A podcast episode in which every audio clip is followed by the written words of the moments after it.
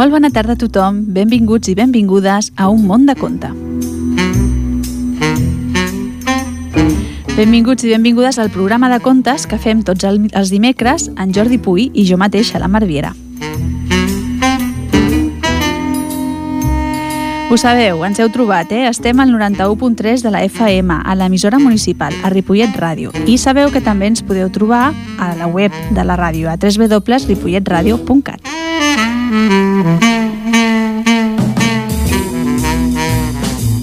Ràpidament, us explico els continguts que portem per l'Un món de conte d'avui, pel programa d'aquesta tarda. Portem tres històries, tres contes. El primer es titula Em feu un lloc, el segon En Llobató a l'hospital i el tercer Memòria d'elefant. Tots tres els podeu trobar a la Biblioteca de Ripollet.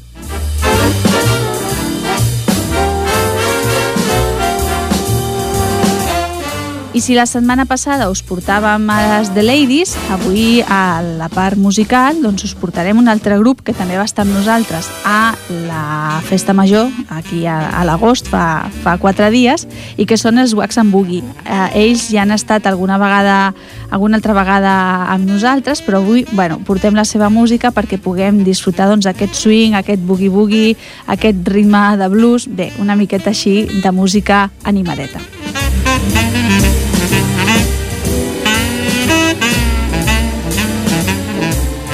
I bé, suposo que ara tots i totes eh, feu servir doncs, totes, tots aquests aparells, no? els iPhones, les tablets, els smartphones, i us volia parlar doncs, d'unes aplicacions, perquè les aplicacions no només serveixen per jugar o, o per tenir altres tipus d'informacions, sinó que també les podem fer servir per, per allò que ens agrada. I què ens agrada a nosaltres? Què ens agrada a l'un món de conte? Doncs, evidentment, ens agraden els contes i les històries. Per tant, el que hem intentat fer és buscar aplicacions que us podeu descarregar als vostres aparells i que tinguin a veure, doncs, això, amb els contes. Mm? Per una banda, hem trobat una aplicació que es titula Nice Tales. Eh? És una aplicació de contes aquest, en aquest cas és per l'iPad i que està adreçada a nens i nenes de 0 a 14 anys. Mm? És una aplicació que es pot descarregar gratuïtament des de l'App Store uh, d'Apple i que bueno, té alguns contes que són de pagament, però entre ells doncs, podem trobar títols coneguts i potser alguns més, més de nou. Però bueno, Nice Tales és una de les aplicacions que podem fer servir. Una altra aplicació, i aquesta una miqueta més interactiva, és la que es diu Playtales. Mm? Aquesta és una aplicació que ofereix un catàleg de 90 llibres, o sigui que aquí tenim uns quants per triar, en contes tradicionals i populars, com ara El Patito Feo, La Neguet Lleig o La Bella Dorment, i potser de més moderns, com alguns fins i tot del Pocoyo. Mm? Tots estan adaptats per nens de 1 a 8 anys i hi ha alguns contes que són de pagament i uns altres que són gratuïts. Mm? Continuem, una altra aplicació, Eh, es diu Doctor W eh, i és una aplicació doncs, que barreja l'aventura amb la lectura i l'aprenentatge. Mm? Eh, es basa en una història que es titula El misterioso caso del sentido extraviado del Doctor W i és una aplicació, en aquest cas, pensada per nens i nenes més grans de 8 anys. Mm? Un altre, recuperant un dels llibres més meravellosos que, que existeixen. Es diu, l'aplicació es diu El Principito, eh? igual que el llibre que va escriure l'Antoine de Saint-Exupéry i que, bé, doncs és una versió del llibre que podem trobar en format aplicació per, per aparells mm, tipus iPhones, etc. i que bueno, és, és una aplicació que és totalment gratuïta i que per tant doncs, bueno, es pot fer servir sense problema. Una altra, una que es diu Mica i sus amigos. Mm, aquesta és del grup Santillana i disposa doncs, d'un doncs, ampli catàleg d'aplicacions infantils amb contes interactius i jocs que estan distribuïts per diferents, mm, per diferents edats. Uh, entre elles doncs, podem trobar la història de la Mica i els seus amics, el, el bagul encantat, bueno, totes aquestes històries que tenen a la Mica com a, com a protagonista. Una altra aplicació, Pequeñas històries de les hades. Aquest està basat en el gran, gran llibre de les fades i l'aplicació compta amb quatre històries amb il·lustracions doncs, molt maques i que també es pot mm, baixar de manera gratuïta. Jo mataré monstruos por ti. Aquest és un conte interactiu i és una versió animada d'un llibre que té el mateix nom de l'autor Santi Balmés, amb il·lustracions de Liona a Liona. L'aplicació està disponible per Android i és de pagament mm, en aquest sistema. Val? Per finalitzar, doncs, bueno, tenim The Jungle Book, que només està disponible en anglès i en alemany, o sigui que també ens pot servir per practicar aquests idiomes, és per iPad i és una forma entretinguda doncs, de barrejar llegir històries i contes amb l'aprenentatge d'un idioma. Doncs bé, això són les aplicacions, algunes de les aplicacions que hem trobat perquè també pugueu bueno, treballar el tema dels contes amb els vostres dispositius i que esperem doncs, que siguin del vostre interès.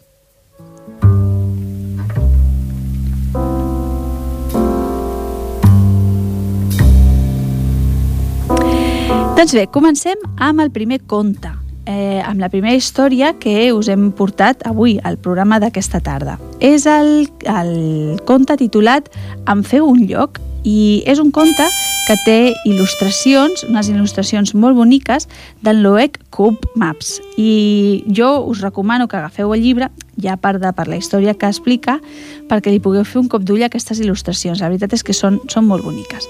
I bé, comença així aquesta història. Vet aquí que un vell llenyataire anava pel bosc acompanyat del seu gos fidel. Duia carregada a l'espatlla la seva destral de tallar llenya i a les butxaques unes manyoples que es posava a les mans per protegir-se del fred, perquè quan això passava era l'hivern, un hivern molt i molt fred. Vet aquí, però, que en un descuit una de les manyoples va caure de la butxaca i es va quedar enmig del camí, colgada per la neu mentre el vell llenyataire s'allunyava sense adonar-se'n. Poc després va passar una rateta i en veure la manyople s'hi acostà, l'ensuma i va dir «Ves per on quina casa més bonica i més calentona? A partir d'ara serà casa meva». I en un tres i no res s'hi va instal·lar. No havien passat ni cinc minuts quan s'hi acostà una granota fent saltirons. Quan va veure la manyople va dir «Qui viu aquí dins?» La rateta d'entetes, i tu qui ets? La granota rauca, que em faries un lloc al teu cau. I és clar que sí. Au, entra i posa't còmode.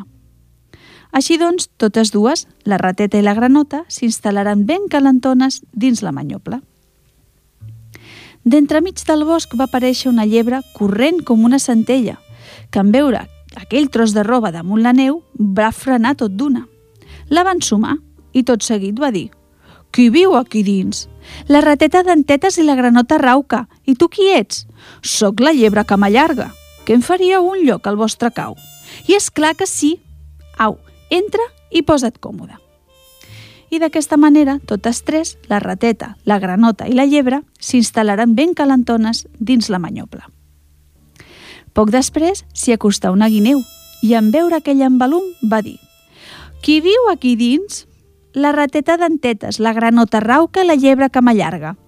Soc la guineu pel rogenca, que em faria un lloc al vostre cau? I és clar que sí. Au, va, entra i posa't còmode. I així va ser com totes quatre, la rateta, la granota, la llebre i la guineu s'instal·laren ben calentones dins la manyople.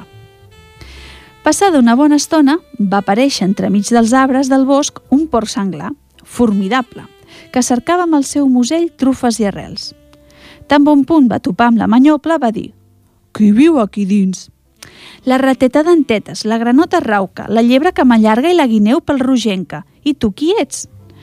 Trufaldi, el porc senglar, que em faria un lloc al vostre cau. I és clar que sí, au, entra i posa't còmode. I vet aquí com tots cinc, la rateta, la granota, la llebre, la guineu i el porc senglar s'instal·laren ben calentons dins la manyople. De sobte, es va sentir el soroll d'unes passes. Era un os bru que s'apropava remugant. Quan va ser a tocar de la manyople va dir «Qui viu aquí dins?» La rateta d'entetes, la granota rauca, la llebre que m'allarga, la guineu pel rogenca i el porc senglar trofaldí. I tu qui ets? Urpa, l'os bru. Sembla un cau molt acollidor.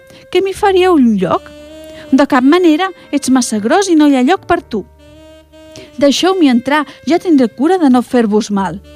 I us ho creureu o no, però fent un lloc aquí i un, i un lloc allà, Tots sis, la rateta, la granota, la llebre, la guineu, el porc senglar i l'os bru s'instal·laren ben calentons dins la manyopla. Camí enllà, el vell llenyataire s'havia aturat feia una bona estona. Volia guardar-se del fred i no trobava una de les manyoples. Regirava per tot, però res de res. On has deu ficat l'altra?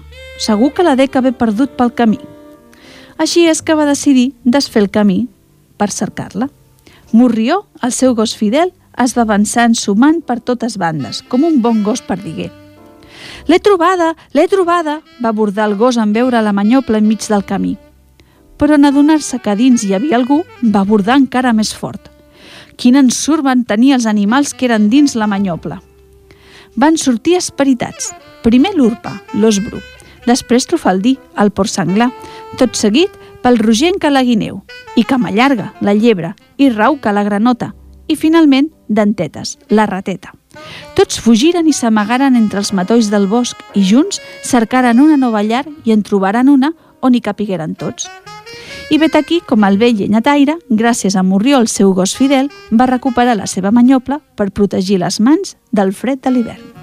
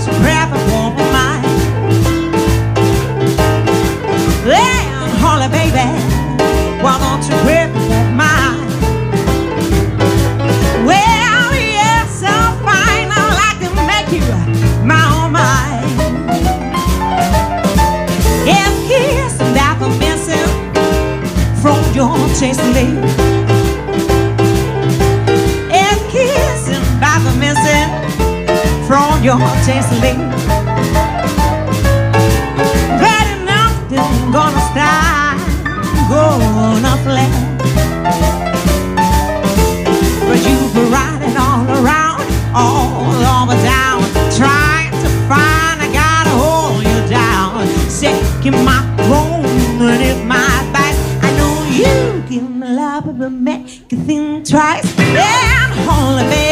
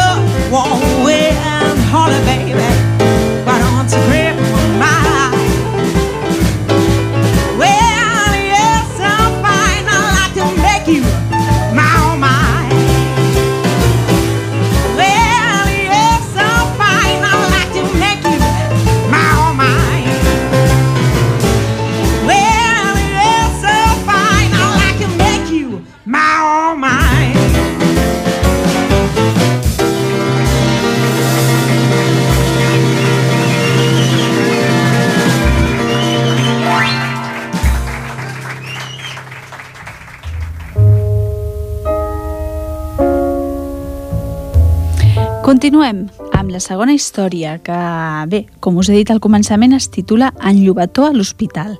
És una història o un conte escrit pel Philip Mater i també té unes il·lustracions aquestes molt divertides.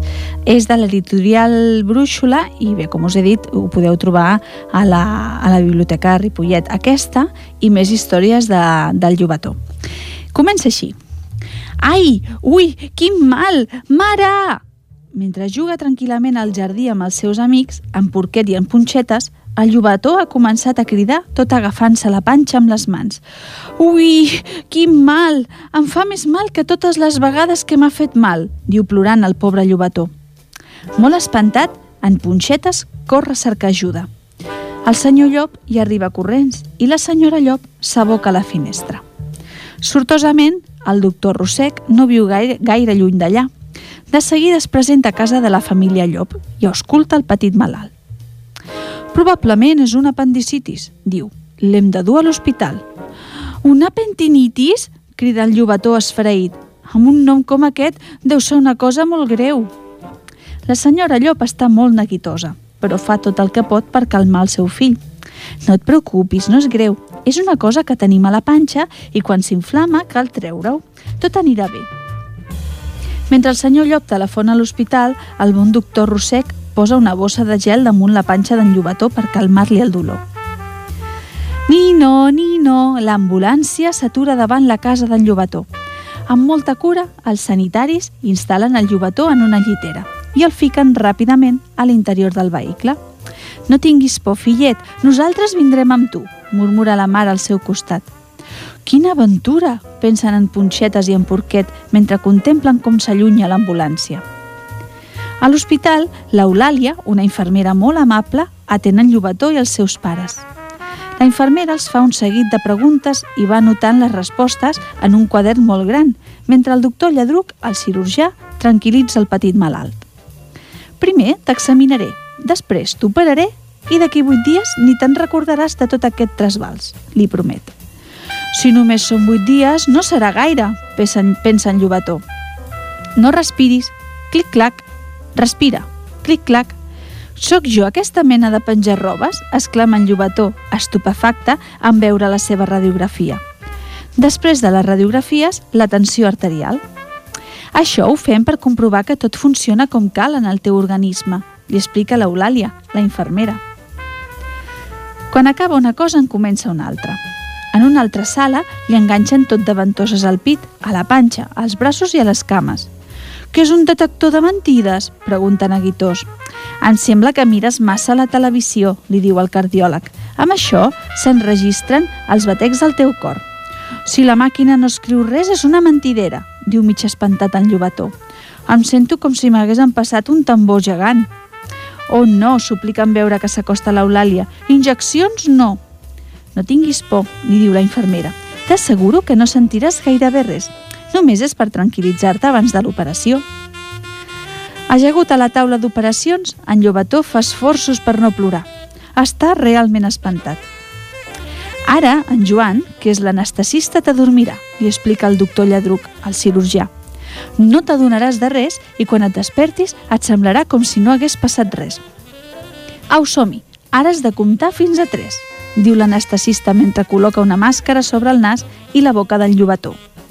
En llobató diu 1, 2... Però el 3 ja no el diu. Ni el 3 ni res. S'ha dormit profundament. Al cap de dues hores, en Llobató surt de la sala de reanimació. Se sent com si estigués dalt un núvol. Quan m'operarà? em pregunta. Ja està, fillet, ja ha passat tot, li diu la mare, somrient-li tendrament. Ara descansaràs aquí uns quants dies i després tornarem a casa. Al vespre, els pares de Llobató tornen a casa després de prometre al seu fill que l'endemà a primera hora del matí seran de nou amb ell. Però en Llobató no està sol. Tots els seus companys de sala venen a explicar-li per què són a l'hospital. Jo vaig caure de cap, li diu en dentetes al conill. I jo, jo em vaig trencar la cama de caure d'un mur, li diu la sargantana cua llarga. Jo, jo vaig agafar un empatx d'eucaliptus, li explica en Pandi, el panda. Tinc el cos ple de grans. Jo tenia mal de panxa, però ara ja m'ha passat, els explica en Llobató. Al cap de quatre dies, en Llobató s'hi troba com a casa. Coneix tothom i s'ho passa d'allò més bé. Quan riu, li fa una mica de mal la ferida, però a l'hora d'empassar-se les patates fregides de la Remei, la cuinera, no li fa mal res, sobretot després de passar tres dies menjant només sopa i fruita. Avui és dimecres i hi ha doble ració de patates per tothom. Visca, visca la Remei, crida el petit golafre ja en plena forma. El doctor Lladruc, el cirurgià, tenia raó. Han passat vuit dies i en Llobató ja està bé del tot. Els seus pares han vingut per emportar-se a la casa i tots els seus amics s'aboquen a les finestres on surten a la porta de l'hospital. Tornaré a visitar-vos aviat, els diu el llobató. Porta'ns xocolata, li demanen dentetes al conill. I caramels d'eucaliptus, afegeix el panda, el pandi. Molt bé, molt bé, promet el llobató una mica emocionat. Naturalment, quan en Porquet i en Punxeta es retroben el seu amic, la primera cosa que li demanen és que els deixi veure la cicatriu i en Llobató no es fa pregar gaire per ensenyar-los els punts de sutura. I et va fer mal? Vas tenir por? Li pregunten els seus dos amics. Mal? Una mica, però de por no en vaig tenir gens, respon en Llobató. Quin fanfarró, oi?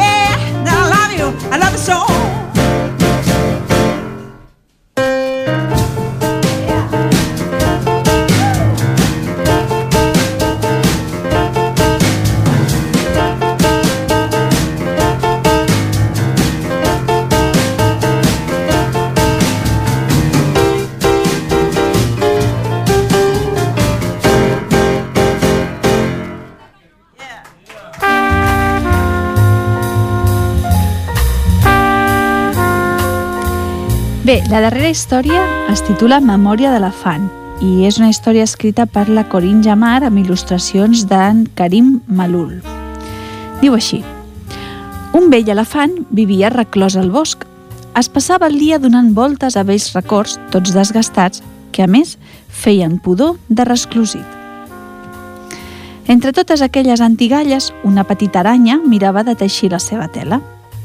Li van venir ganes d'airejar la casa i, sobretot, al cap del seu habitant. O sigui, que li va fer pessigolles a la punta de la trompa i... Atxum! va fer l'elefant. Tots els records van sortir volant. L'Estel es va entusiasmar. Visca la llibertat! Aleshores, tots els altres records van començar a córrer, van tocar el dos, es van esfumar i van dir «Aire, aire!». Al vell elefant no li semblava bé que els seus records fessin les maletes, així com així. Eren seus, volia guardar-se'ls només per ell. I a més, casa seva estava tota buida ara. Ah, però es recuperaria. Va treure el nas, bé, en aquest cas la trompa, va fer un pas, després un altre i va marxar a buscar-los. Un petit gat havia pujat al bord del seu primer record, un vaixell de paper que li havia fet el seu pare. El petit gat dormia tranquil, tot ronromejant. Semblava tan feliç que l'elefant va dubtar i finalment va decidir deixar-li el seu vaixell. El meu petit vaixell de paper et portarà a somiar coses ben maques, va murmurar l'elefant. Va anar fins al riu i allà, sorpresa, aquella garlanda tan maca que la mare penjava cada any a l'arbre de Nadal servia de passarel·la a una família de cargols. Quan l'últim petit va arribar sa i estalvi a l'altra riba, l'elefant va voler recuperar el seu record. Però després, no, va pensar. I si els cargols decideixen travessar el riu en sentit contrari? Curiosament, l'elefant es trobava cada vegada més lleuger. Oh, què sentia ara? Rialles? Crits? Anem a veure-ho, es va dir l'elefant. Era el seu vell barret, que estava fent un espectacle. Brillava com un raig de sol. Els mags en feien sortir mocadors i coloms. Es va sorprendre de trobar la presentació tan lluïda. Però ja s'estava acabant, de manera que recobraria el seu barret i després... No, va pensar. Els artistes potser crearan nous números. Millor els hi deixo el meu barret. Al final del dia, l'elefant no havia recuperat cap dels seus records. Casa seva continuava bastant igual de buida, però el seu cap s'havia omplert de nous records que es va posar a compartir amb tots els animals del bosc. El gat havia arribat a Amèrica, a sobre del seu vaixell. El seu estel ara volava pel cel i s'havia convertit en el millor amic d'un nen. La seva vella bufanda resultava molt útil al voltant del coll de la marmota. I pel que fa al seu cavall balancí, al damunt hi reposava un lloro. I així amb tots els altres objectes. La primera a apassionar-se per les seves històries va ser la petita aranya, que a còpia d'escoltar el vell elefant va teixir l'extraordinària tela dels seus nous records i es va oblidar de teixir la pròpia seva.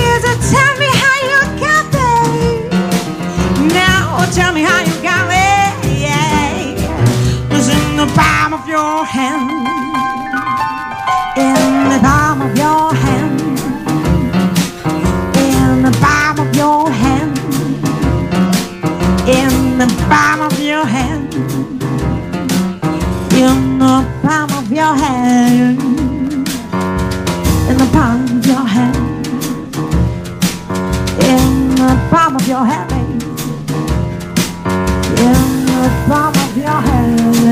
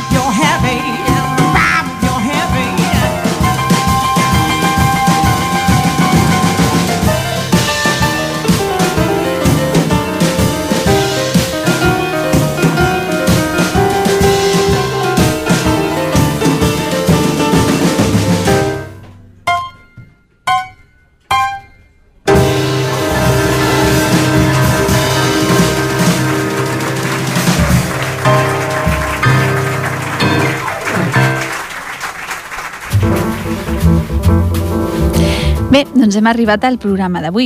No sé si us he dit abans, però els Wax and Boogie, que com us he dit és un grup mig de Ripollet i que a més a més doncs, ens han acompanyat a diferents festivitats d'aquí de, del nostre municipi, a la Festa Major i altres celebracions, doncs està, és un grup que està format pel David Giorgeli, que és el, qui toca el piano, l'Ester Wax, que és la veu, i en Reginald Vilardell. Doncs bé, ha estat un plaer eh, tenir-los a ells, posant-nos la música i estar compartint amb vosaltres aquest, aquest espai, aquesta estoneta. Només recordar-vos que ens tornem a trobar el dimecres vinent i desitjar-vos que passeu un molt bon final de setmana i un bon cap de setmana. I us deixem amb un darrer tema dels Bacs en Bugui. Una abraçada i fins dimecres. Thank you.